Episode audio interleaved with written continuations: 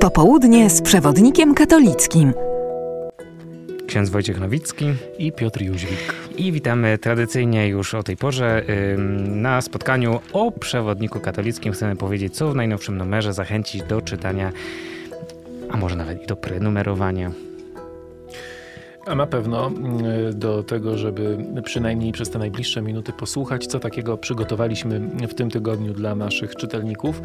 No, część z tego, co znajdziemy na łamach tego numeru, związanych jest z kalendarzem. To on nam podpowiada pewne tematy, jak na przykład temat okładkowy Świadkowie Radości to na Dzień Życia Konsekrowanego, a my w tym numerze przewodnika przygotowaliśmy takie mm, zestawienie dotyczące mm, zakonów żeńskich, męskich w Polsce. Można się dowiedzieć, ile jest takich zakonów, ile osób w nich się znajduje, które są najpopularniejsze, najliczniejsze, a które są najmniejsze i składają się na przykład z czterech czy pięciu osób, bo takie są te najmniejsze zgromadzenia i e, żeńskie i męskie. To na dzień życia konsekrowanego to temat, który podpowiada nam e, kalendarz, ale także mm, żyjemy tym, czym żyje Kościół powszechny, a w najbliższych dniach takim ważnym tematem e, będzie na pewno papieska pielgrzymka do Afryki. E, pielgrzymka, która dla wielu stała pod znakiem zapytania, bo biorąc pod uwagę stan zdrowia papieża Franciszka i to, że e, ma olbrzymie problemy z przemieszczaniem się, e, no, stało pod znakiem zapytania, czy wsiądzie na pokład samolotu, czy wybierze się w tę wyczerpującą podróż, ale to, po co tam jedzie, było chyba ważniejsze od tych dolegliwości. Właśnie, bo dodajmy, że ta pielgrzymka już była przesunięta i właśnie ze względu na dolegliwości, na stan zdrowia, a wtedy konkretnie operację, papież ją przesunął kiedy tak patrzymy w perspektywie tego półrocza, e, no to na pewno nie powiemy, że jest lepiej. Widzimy, że papieżowi się bardzo trudno porusza, jest e, raczej gorzej, więc to, że jedzie do tej Afryki, jedzie do Kongo i do Sudanu, Sudanu Południowego, e, to pokazuje, że dla niego to jest bardzo ważne. Dlaczego tak ważne jest to, żeby być właśnie tam, właśnie w tym miejscu? O tym Anna Druś pisze. Nie będziemy zdradzać, bo zachęcamy do tego, żeby zajrzeć, ale na pewno to, co warto powiedzieć, powiedzieć, a co też ja we wstępniaku jakoś tak próbowałem zarysować też pewną trochę panoramę takich zdarzeń. My żyjemy oczywiście mm, tym konfliktem, który się toczy u nas za wschodnią granicą. Oczywiście to nie jest tylko kwestia wojny na Ukrainie. Wiemy doskonale, że to jest kwestia absolutnie międzynarodowa, światowa.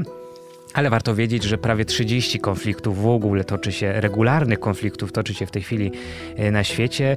I między innymi te dwa kraje, do których papież pojedzie, to są właśnie takie kraje, w których albo trwa wojna domowa, albo sytuacja jest bardzo niestabilna. Kraje, w które, y, y, y, gdzie jakby kwestia pokoju była bardzo ważna dla papieża i może pamiętamy ten gest, my tutaj przywołujemy to zdjęcie jako przypomnienie. Papież, który uklęknął przed przedstawicielami dwóch stronnictw właśnie z tamtego rejonu, całując ich stopy i wzywając w ten sposób właśnie do takiego gestu uniżenia, gestu pojednania. E, ta pielgrzymka e, będzie, można powiedzieć, odbywała się pod znakiem takich spotkań z ludźmi, którzy w tych konfliktach ucierpieli, ucierpieli e, czy nadal cierpią, bo w Demokratycznej Republice Kongo Franciszek spotka się właśnie z ofiarami konfliktu na wschodzie kraju, a w Sudanie Południowym, który odwiedzi później, spotka się z osobami przesiedlonymi wewnętrznie. No, na pewno ważny temat, można powiedzieć nasz temat numeru z tym, tak jak mówiłeś, przejmującym zdjęciem bo e, nieczęsto, by nie powiedzieć, że prawie nigdy nie zdarza się coś takiego, że jednak głowa państwa, przywódca duchowy pada na e, kolana, żeby całować e, stopy ludzi reprezentujących właśnie zwaśnione strony, po to, żeby przekonać ich do tego, żeby jednak dołożyli wszelkich starań, by w miejscu, za które odpowiadają, zapanował pokój. Dokładnie. Jeśli chodzi też jeszcze o Kościół, to, to przyglądamy się dwóm takim tematom. Ksiądz Artur Stopka, katechezie dorosłych. To jest taki temat, który powraca co jakiś czas, właśnie, że trzeba podjąć się tej katechezy dorosłych, bo katechizujemy dzieci, a potem, no właśnie, dzieci dorastają i, i co dalej? Co dalej z formacją, co dalej z katechezą?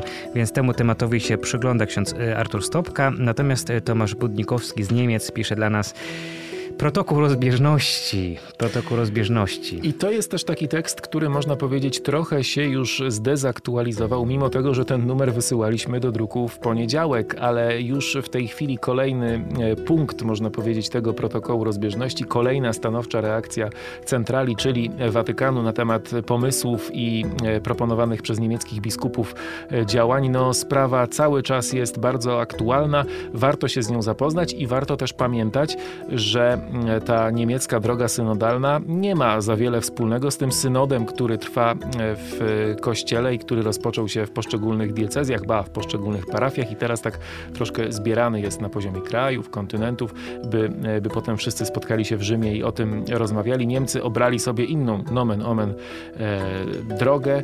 E, no i mm, na tej drodze są mniej więcej w tej sytuacji, jaką nakreślił przewodniczący niemieckiego episkopatu, problemy nazwaliśmy po imieniu i nikt nie może powiedzieć, że o nich nie słyszał. Tak powiedział szef niemieckiego episkopatu. Także widać, że, że e, i e, chciałem powiedzieć Berlin, ale i Kościół w Niemczech i e, Watykan i Stolica Apostolska są tutaj chyba troszkę na kolizyjnym kursie.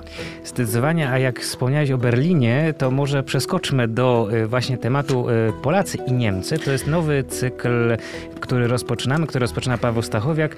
Trochę w podobnym duchu, w jakim już wcześniej był cykl dotyczący relacji e, Polacy, Ukraińcy, Rosjanie.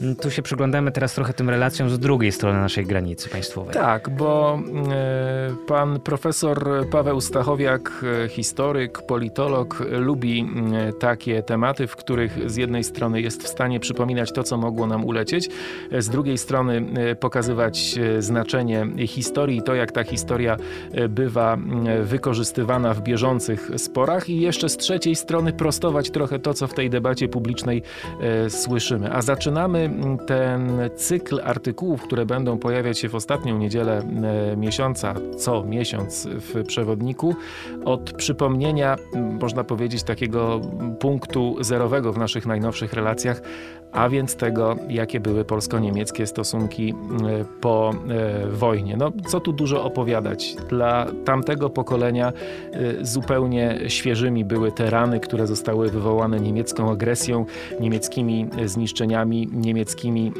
morderstwami. W pułapce nienawiści rozpoczyna się, taki tytuł ma ten pierwszy artykuł. No i Paweł pisze o tym, że po tym 49, po, po tym 900, 1945 roku mogło się wydawać, że, że tak naprawdę nie ma, nie ma dla nas najmniejszej nadziei, żeby to udało się jakoś poukładać, bo A te niezabliźnione rany, B, co tu dużo mówić, interes Związku Radzieckiego, któremu bardzo zależało na tym, żeby Polska zależna była od niego. Kwestia e, naszej zachodniej granicy, którą ZSRR e, wówczas gwarantował, a mimo wszystko, i o tym Paweł będzie pisał w kolejnych miesiącach, udało nam się krok po kroku, między innymi także dzięki działaniom Kościoła, odbudować te wzajemne stosunki i właśnie dlatego Dlatego warto sobie przypomnieć tę historię. Zaczynamy od bolesnego tekstu, tak jak powiedziałem, no ale nieuczciwym byłoby, żeby pomijać to wszystko, co wydarzyło się między 39 a 45 rokiem i tego, jak Polacy na te wydarzenia w 45 roku i w tych kilku kolejnych latach reagowali. Bardzo się cieszę, że taki tekst mamy w nałamach przewodnika. Bardzo gorąco polecam. A jeśli jesteśmy przy tematach trudnych i kontrowersyjnych, to gdybyś słuchacze nasi i czytelnicy chcieli dowiedzieć, czy czy e, Ewa Czeszkowska chciałaby być księdzem? Trochę z przymrużeniem oka tym mówię. To... A ja nie wiem, czy pani Ewa Czeszkowska nie obraziłaby się teraz na nas za takie stwierdzenie, za nawet tak prowokacyjnie postawione, ale, ale tak, to znaczy taki, mm, taki temat się pojawia w przewodniku i, i mało tego, ona e, chyba trochę w tej konwencji nawet mówi, nie lękajcie się e, kobiet, do wszystkich tych, którzy o kobiety w kościele się boją albo boją się w kościele Mm, kobiet właśnie.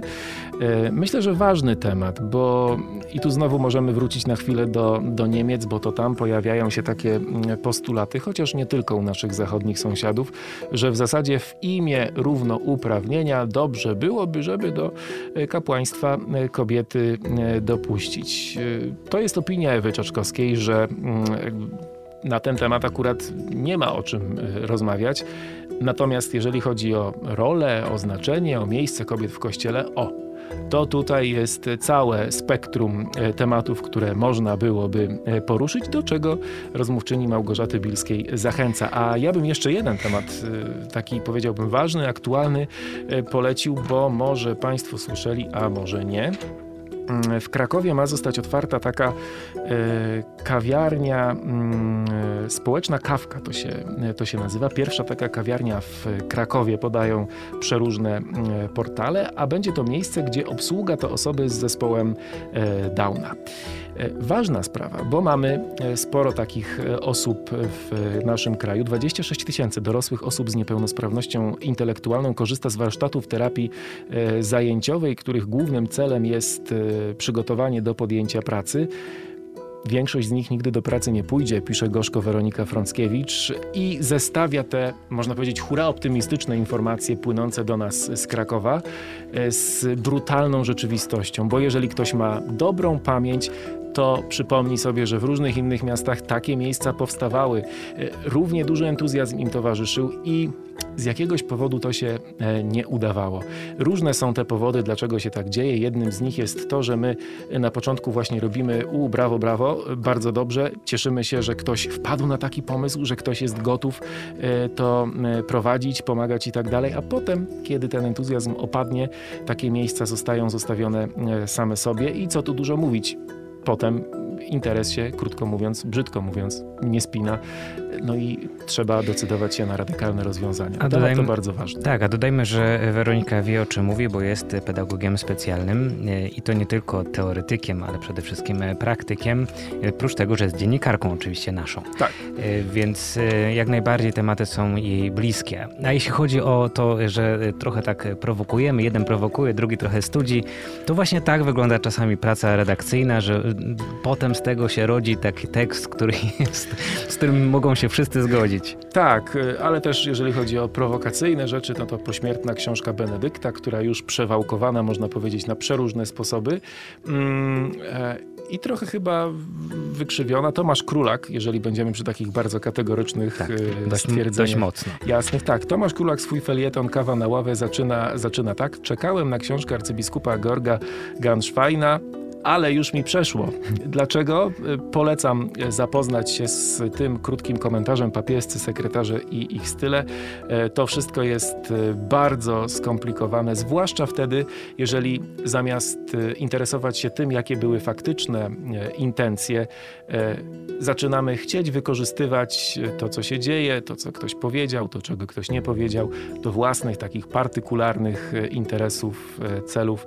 Mm, no, nie jest to droga, którą e, chcemy podążać. E, gorąco polecam tym wszystkim, którzy, którzy mają tutaj jakieś z góry przyjęte oczekiwania względem papieskiej książki. Tak, bo można e, opisać, jak wyglądało codzienne życie papieża czy papieża emeryta, a można uprawiać politykę nie oceniam, co jest w tej książce, ale mówię, że taki może być styl lub taki może być styl, a jaki jest, to już niech każdy oceni sam. Tak, to o książce sekretarza, ale mamy też krótką wzmiankę o książce Benedykta Pośmiertnej, która się ukazała. To są jego takie eseje, które część była publikowana w różnych miejscach, część nie była publikowana. Papieżowi seniorowi zależało na tym, żeby ukazało się to po jego śmierci. Jak mówi jeden z watykanistów, którego cytujemy, sensacji tam nie ma. No, niektórzy mogą się rozczarować, bo może spodziewaliby się jakiejś jak miażdżącej krytyki. Tak? Pośmiertnej takiej. Tak, tak, tak, tak, żeby właśnie swojemu następcy tutaj tak a, przywalić. No to nie byłoby to w stylu Benedykta właśnie.